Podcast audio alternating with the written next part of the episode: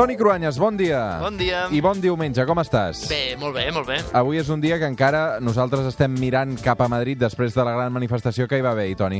Sí, reivindicacions catalanes al centre de la capital d'Espanya i en ple judici dels líders independentistes.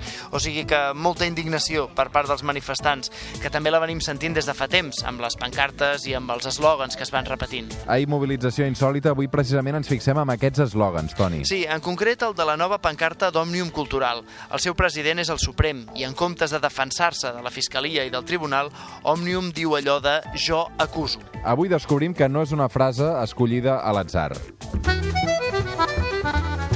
Per tant, ens situem, ens situem a França, en aquest cas a finals del segle XIX. Sí, som a la Tercera República Francesa, sempre fràgil i pendent d'atacs dels països veïns, sobretot d'Alemanya, i acusen un capità de l'exèrcit d'origen jueu, Alfred Dreyfus, d'haver passat documents secrets als alemanys.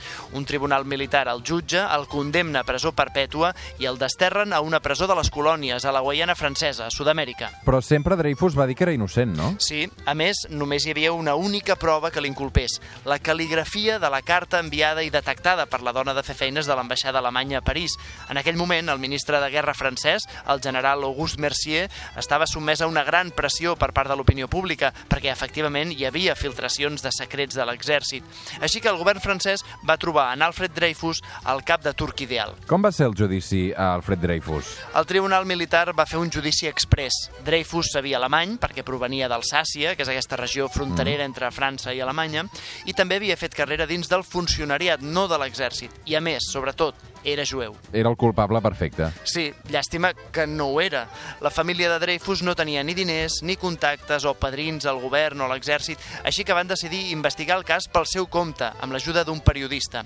Trucant portes i movent-se per tot arreu, van aconseguir el suport de diferents personalitats polítiques i intel·lectuals que van provocar la curiositat d'algun comandament militar que va investigar pel seu compte i al final van trobar el veritable traïdor, el comandant Ferdinand Wolsey Esterhazy. I això va canviar alguna cosa, Toni? Eh, va ser un escàndol als diaris, a la premsa, però no va canviar res perquè, malgrat les proves cal·ligràfiques i testimonis, l'estat major de l'exèrcit va negar-se a revisar el judici de Dreyfus.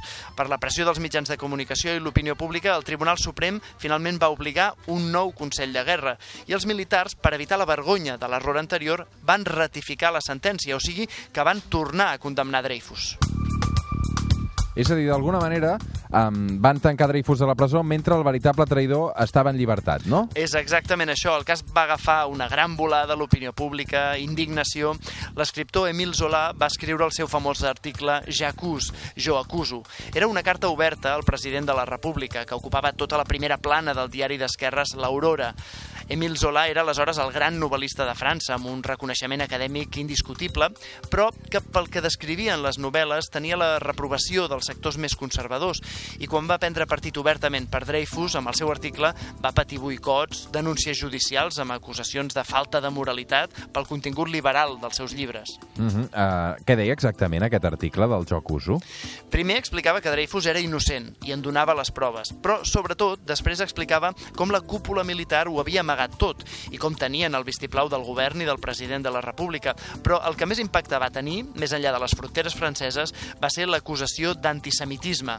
Émile Zola va gosar posar per escrit que els jueus eren vistos com a perillosos pel nacionalisme francès. Recordem que aquest article es va publicar el 13 de gener de 1898. I el cas Dreyfus es va convertir en un mite des d'aleshores. Sí, per bé i per mal. D'una banda, els sectors més nacionalistes i els catòlics més conservadors francesos van veure's atacats. Els semblava que s'estava qüestionant un ordre que a ells ja els anava bé.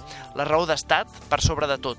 Pels jueus, el cas va fer-los obrir els ulls davant els atacs antisemites que estaven patint a França, però també ja a tota Europa central. També va tenir molt d'impacte entre els jueus de tot el món. Sí, el cas Dreyfus va inspirar el pare del sionisme, Theodor Herzl, que va impulsar l'Organització Sionista Mundial el 1897. Els sionistes creien que els jueus no podien veure Europa perquè estaven en perill i reclamaven la creació d'un nou estat d'Israel. I quan va passar tot això faltaven encara 40 anys per la Segona Guerra Mundial i, evidentment, l'Holocaust. Sí, el cas Dreyfus va ser tristament premonitori. Per cert, que Alfred Dreyfus, el govern francès, va acabar indultant-lo el 1906 i va poder sortir de la presó, però mai en vida se li va reconèixer la innocència. I la famosa frase jo acuso ha quedat fitxada, no, fixada en aquest cas com a crit de denúncia dels abusos de les autoritats. Sí, jo acuso vol dir això, justícia per als innocents i sobretot posar el focus no sobre els que s'han de defensar, sinó sobre la raó d'estat que serveix per tapar les vergonyes del poder. Aquests dies, la pancarta d'Òmnium Cultural que veiem als balcons, Jo acuso, té exactament la mateixa significació que en el cas Dreyfus. I've been a victim of some sorry circumstance that was committed by somebody else's hand. Cruanyes, avui dedicarem a aquesta cançó fins les 9 del matí a l'Alfred Dreyfus. Es diu Innocent Man. Fins la setmana que ve, si et sembla bé. I tant. Fins la setmana que ve. Una abraçada. Toni. Bon diumenge.